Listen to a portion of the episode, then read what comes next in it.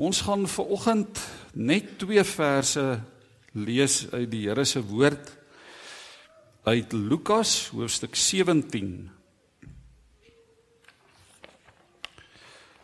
Lukas 17 Ons lees vers 20 en vers 21. Toe die Fariseërs vir Jesus vra wanneer die koninkryk van God dan kom, het hy hulle geantwoord: Die koms van die koninkryk van God kan nie uit voortekens bereken word nie. Hulle sal nie kan sê kyk, hier is dit of daar is dit nie, want die koninkryk van God is hier by julle. Wat 'n ongelooflike woord. Die koninkryk van God is hier by julle.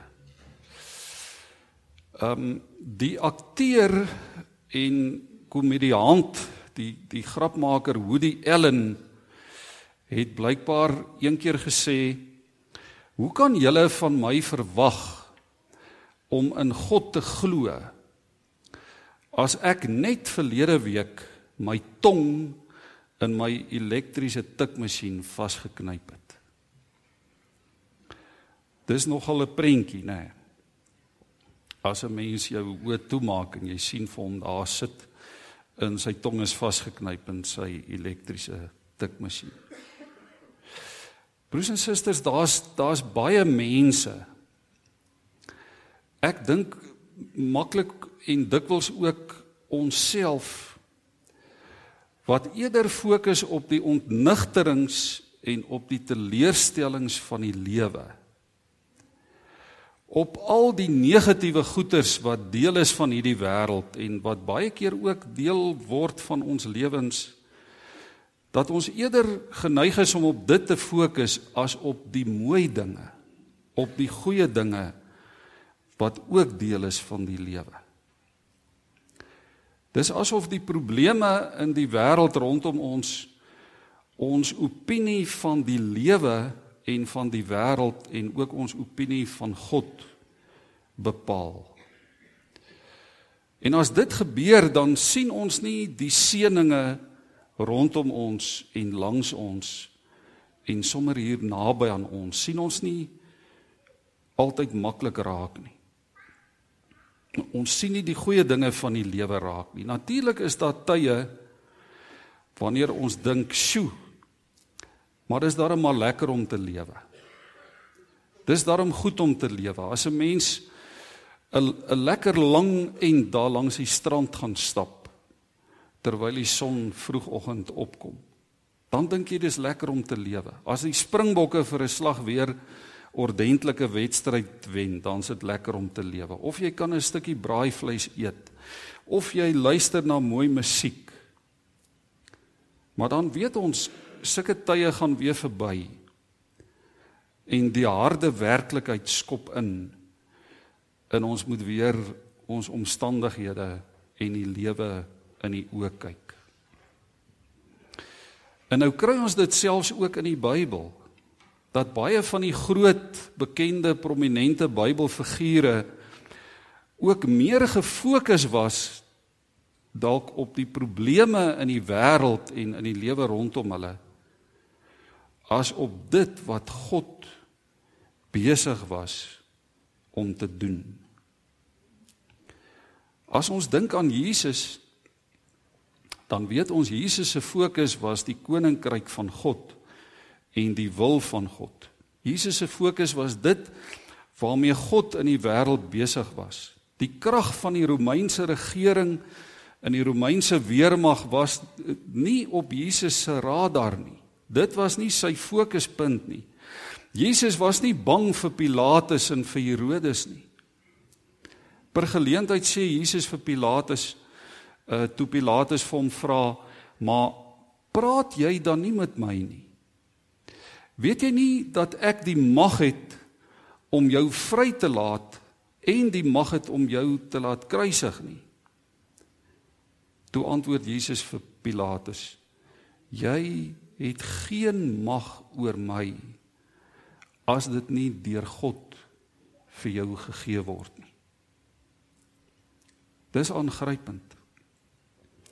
Jesus se fokus was nie die krag van die regering nie. Sy fokus was die krag en die heerlikheid van God. Hoe het Jesus dit reg gekry? Wat het vir Jesus hierdie vertroue gegee, hierdie sekerheid, hierdie oortuiging? Dit was omdat hy konstant deurlopend elke dag in alles bewus was van die teenwoordigheid van God. Hy was bewus van die koninkryk van God en van die koningskap van God. En ek dink ons as mense mis dit so maklik. Ons mis so maklik die teenwoordigheid van God. Ons leef dikwels asof God nie teenwoordig is nie. As ons dink aan Adam en Eva. God bevoorreg hulle so geweldig. Hulle hoor by God. Hulle kan letterlik enige iets doen. Hulle kan die lewe geniet. Hulle kan letterlik enige iets eet net wat hulle wil behalwe een klein dingetjie. Moenie eet van die vrugte van een spesifieke boom daar in die middel van die tuin nie. En dan net as Adam en Eva dink God is iewester besig om te rus, hy sal nie weet nie, dan eet hulle. Want God is mos nie daar nie. God gaan hulle mos nie sien nie. God God sal nooit uitvind nie. God is nie teenwoordig nie. Hulle hy sal nie sien wat hulle doen nie. Hulle vergeet dat God oral is. Dat God alles weet en alles sien. Al sien hulle hom nie, sien hy vir hulle.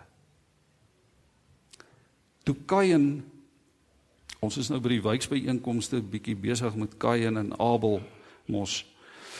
Ehm um, toe Kain daai verskriklikste van alle sondes doen en sy broer doodslaan. Toe kom God en hy steek sy genadehand uit na Kain om vir Kain te red. God gee letterlik vir Kain nog 'n kans om te lewe. En dan lees ons Kain draai sy rug op die Here. Hy gaan weg van die Here af. So asof God in sy reddende genade glad nie bestaan nie. Ook Abraham en Isak. God word deel van Abraham en Isak se wêreld. God kom na hulle toe, hy reik uit na hulle toe met sy beloftes. Hy maak spesiale beloftes aan hulle. Hy maak hom aan hulle bekend sodat hulle hom duidelik kan sien. En dan die oomblik wanneer hulle nie vir God kan sien nie, wanneer hulle nie vir God kan hoor nie, begin hulle twyfel. Begin hulle wonder of God se beloftes regtig waar is. As ons dink aan Jakob, daar's soveel voorbeelde in die Ou Testament. Ons praat van van die geloofshelde van die Bybel. Maar as ons mooi tussen die lyne gaan lees, dan was hulle nie regtig sulke groot geloofshelde nie. Hulle het maar voete van klei gehad, geloofsvoete van klei. Een nag slaap slaap Jakob in die oop veld in die woestyn met sy kop op 'n klip. En God kom wys vir Jakob in 'n droom 'n leer wat strek van die van die aarde af tot in die hemel en God klim op en af heen en weer teen die leer. En so wys God vir Jakob dat die hemel en die aarde verbind is. Die God van die hemel is ook die God van die aarde. Die hemel en die aarde is een. Dit was nog altyd so want God is een. Dis nie 'n 'n bo menslike, bo natuurlike iets nie. Die skepper van die hemel en die aarde is hier. Hy's ook hier God soos in die hemel. Dis tog wat Jesus vir ons geleer het om te bid toe hy gesê het julle moet bid laat u koninkryk kom, laat u wil geskied soos in die hemel so ook op die aarde. So Jakob se ervaring daar by Bethel het betekenis vir elke mens, vir ons vandag, altyd oral deur die eeue en ook in die toekoms. Die koninkryk van God was altyd daar is vandag nou op hierdie oomblik hier ook by ons. En die koninkryk van God sal altyd daar wees. Dis vir ons om dit te ontdek. Dis vir ons om dit raak te sien. Dis vir ons om daaruit te lewe. God kom wys vir ons sy teenwoordigheid. Hy kom wys vir ons sy koninkryk is ook hier op aarde. En hy wil ons dit laat sien.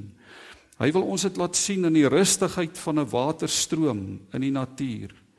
Hy wil ons dit laat sien in die kalmte van 'n groot oop meer.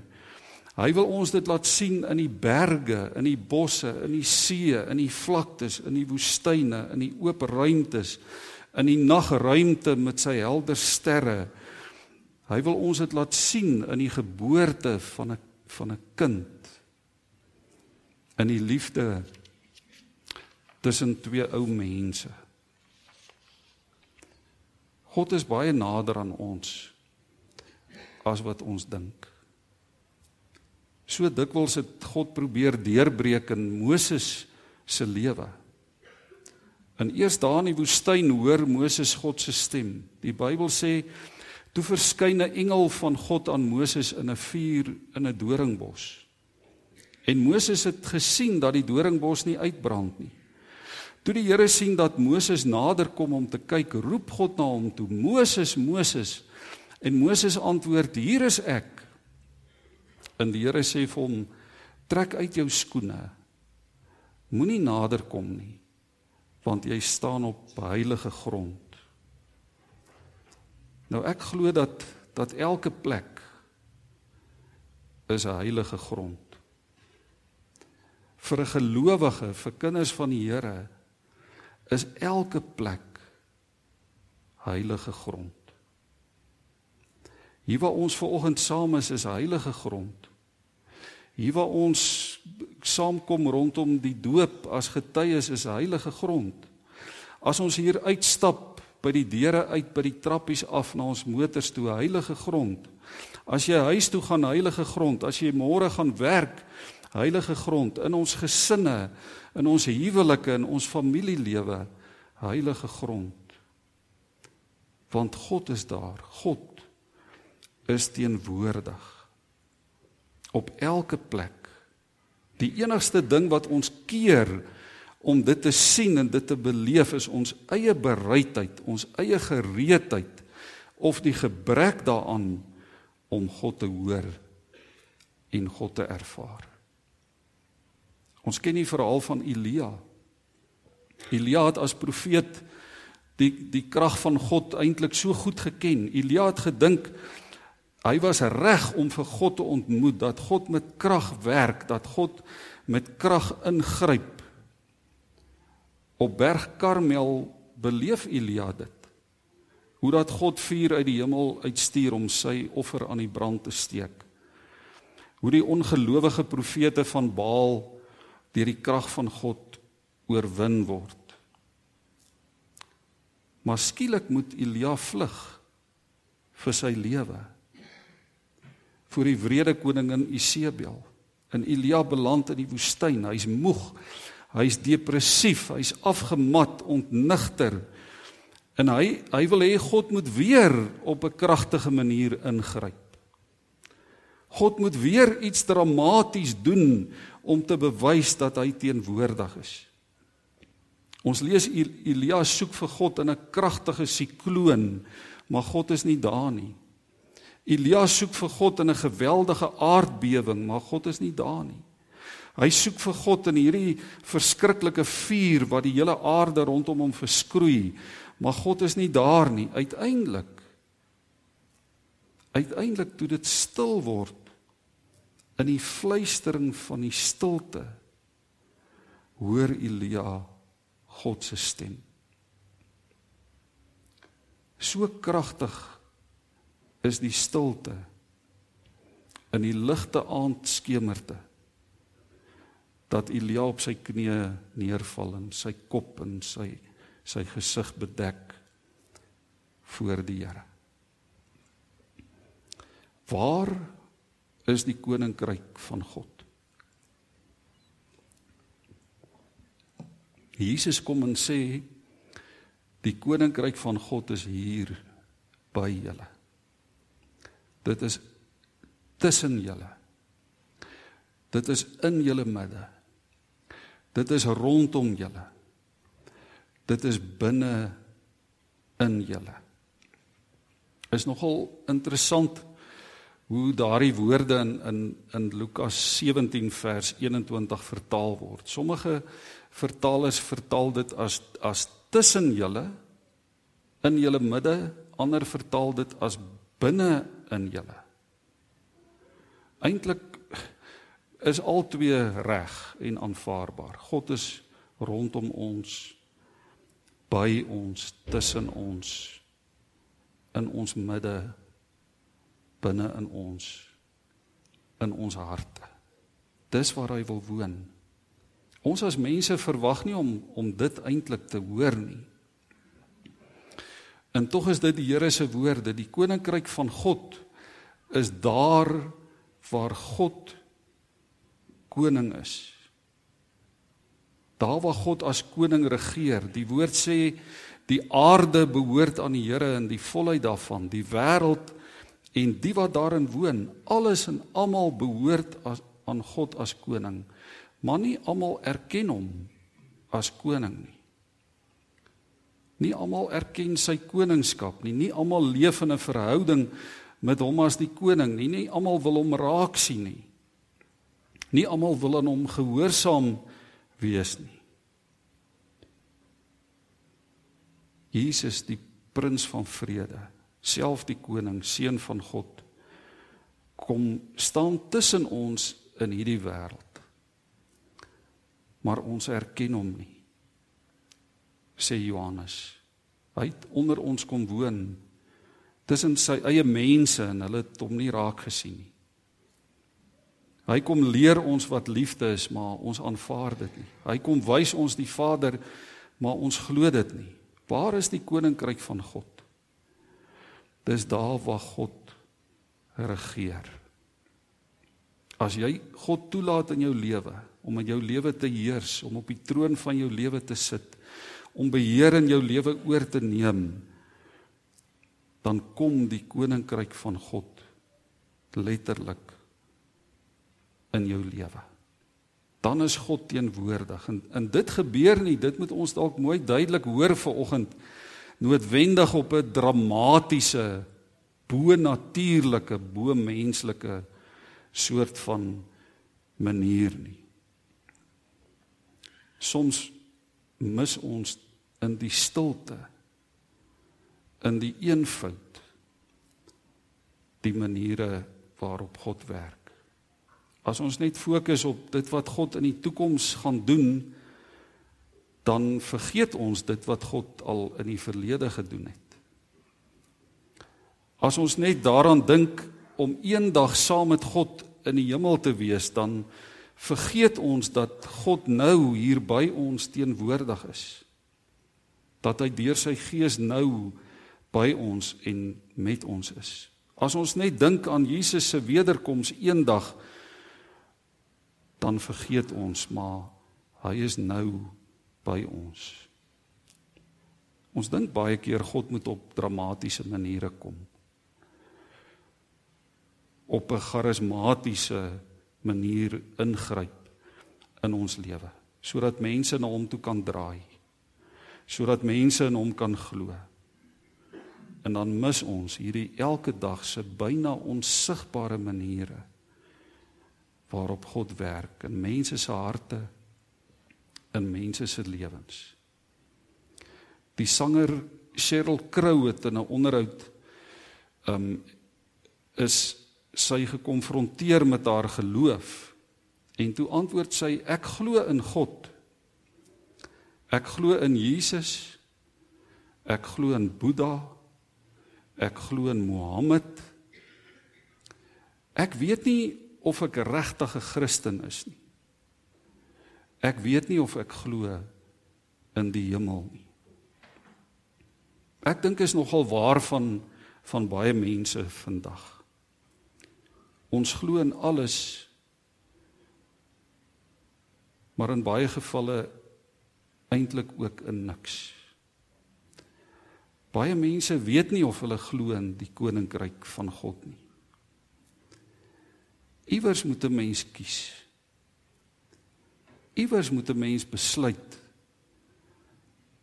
in wie jy glo. In waarin jy glo. Jesus sê soek allereers die koninkryk van God en sy geregtigheid en al die ander dinge sal vir julle bygevoeg word.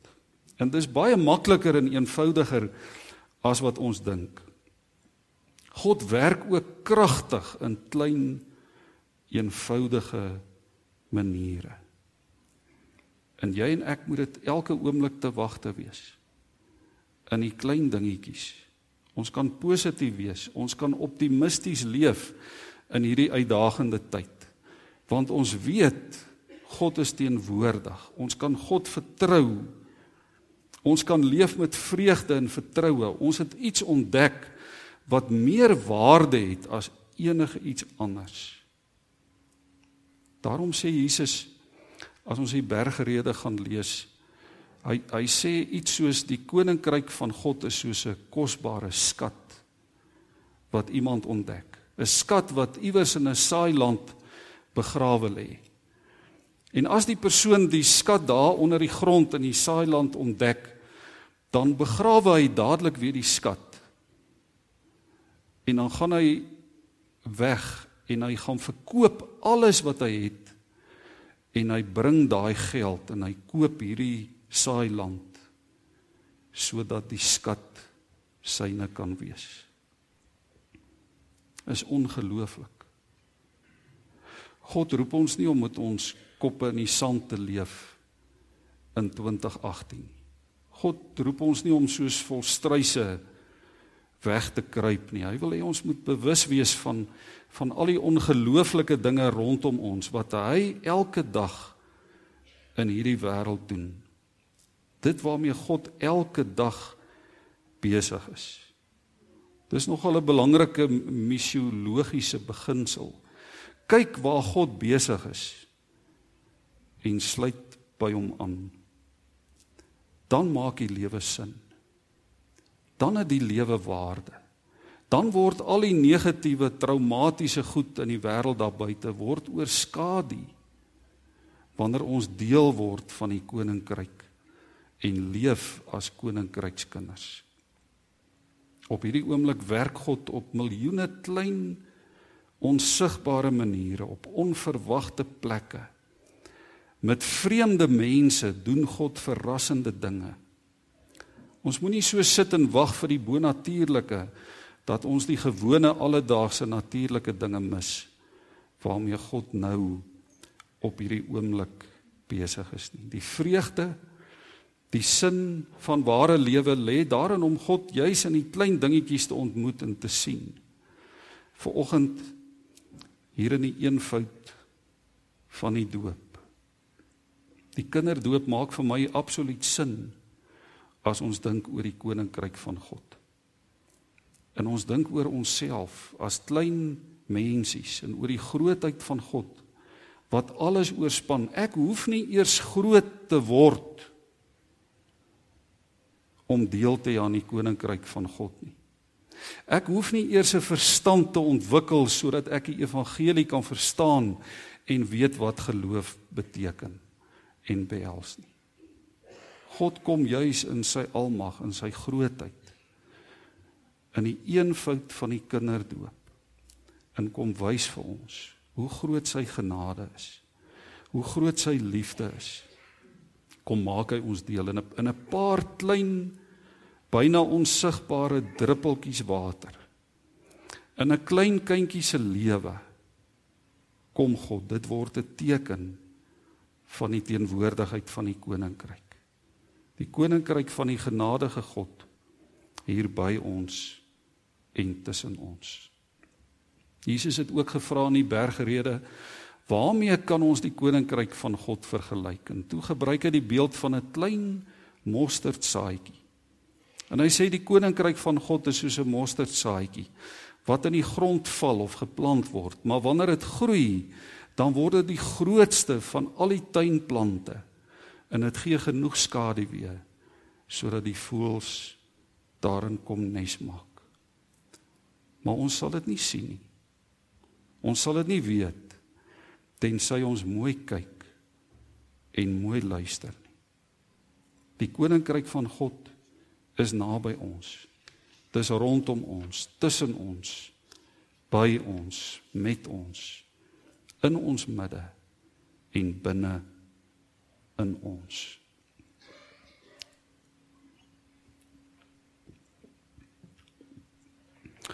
Broers en susters, ek ek wil afsluit deur vir ons 'n getuienis voor te lees. Um ek het dit die afgelope week het ek dit um raak geloop en dis 'n ongelooflike getuienis wat iets sê oor hier, hoe hierdie persoon die koninkryk van God en God se teenwoordigheid in haar lewe beleef het. Sy skryf sy noem haar getuienis fietsry saam met Jesus. Dis eintlik 'n ongelooflike beeld. Sy sê Nadat ek die eerste keer vir Jesus Christus ontmoet het, het die lewe vir my gevoel soos 'n fietsrit op 'n tandemfiets en Jesus het op die agtersitplek gesit en hy het my gehelp trap.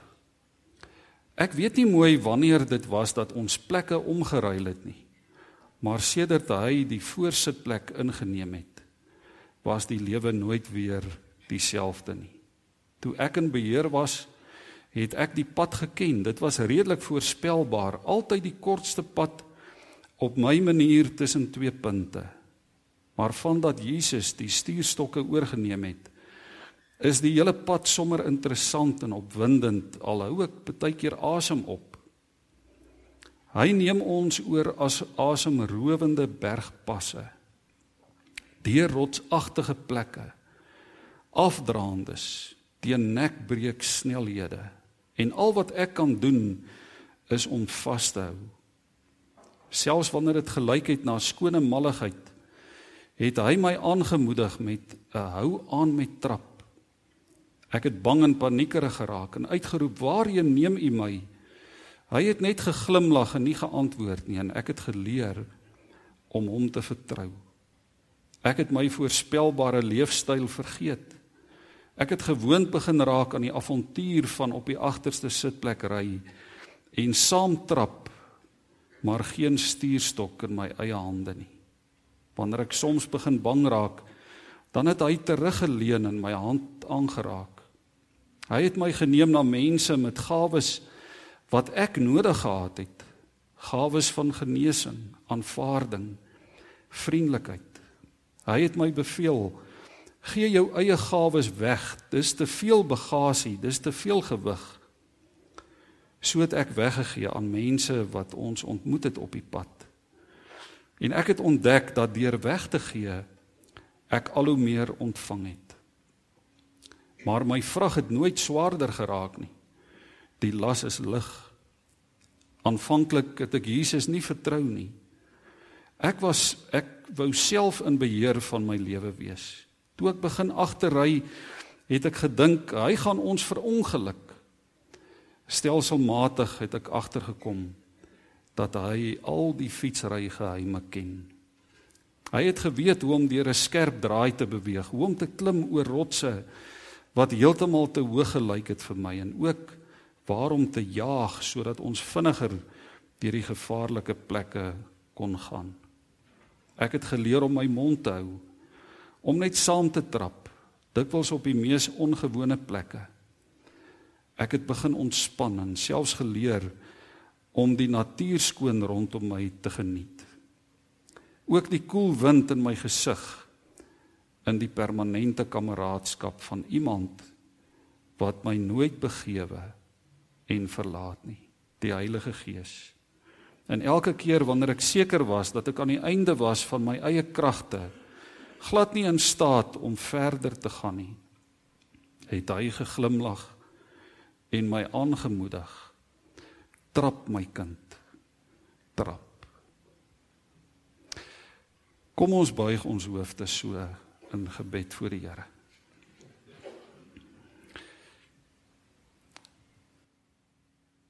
Hemelse koning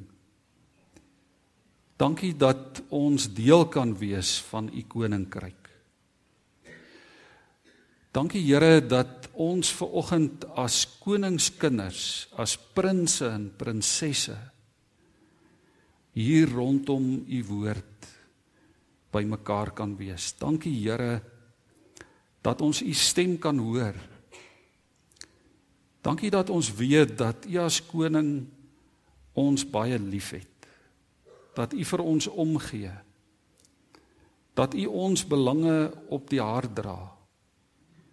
Dat U ons deel maak van U regering hier op aarde. Dat U ons ook nooi, kom na my toe. Ek sal die lewe vir jou sinvol maak. Ek sal vir jou betekenis gee. Ek sal waarde gee aan jou bestaan hier op aarde. Here ons gebed vanmôre is dat U ons sal help om nie vas te kyk in die teleurstellings en die ontnigterings van die wêreld en die lewe nie. Maar Here om te weet dat ons veilig is by U. Here leer ons om elke dag by U voete te sit. Leer ons om U raak te sien in die klein dingetjies van die lewe. Leer ons Here om tussen die slaggate en die ongemak van die lewe en die swak dienslewering en die ekonomiese en politieke omstandighede vir U as die koning te sien. Leer ons om U te vertrou. Ja Here, leer ons om U toe te laat om op hierdie tandemfiets van die lewe beheer te neem om ons te lei, Here, op die beproefde pad. Die pad wat U ken, die pad wat U uitge, uitgeloop het en uitgemerk het sodat ons kan lewe. Here, dankie dat die doop vanoggend as 'n een eenvoudige teken vir ons herinner daaraan dat U die koning is, dat ons veilig is as ons by U is.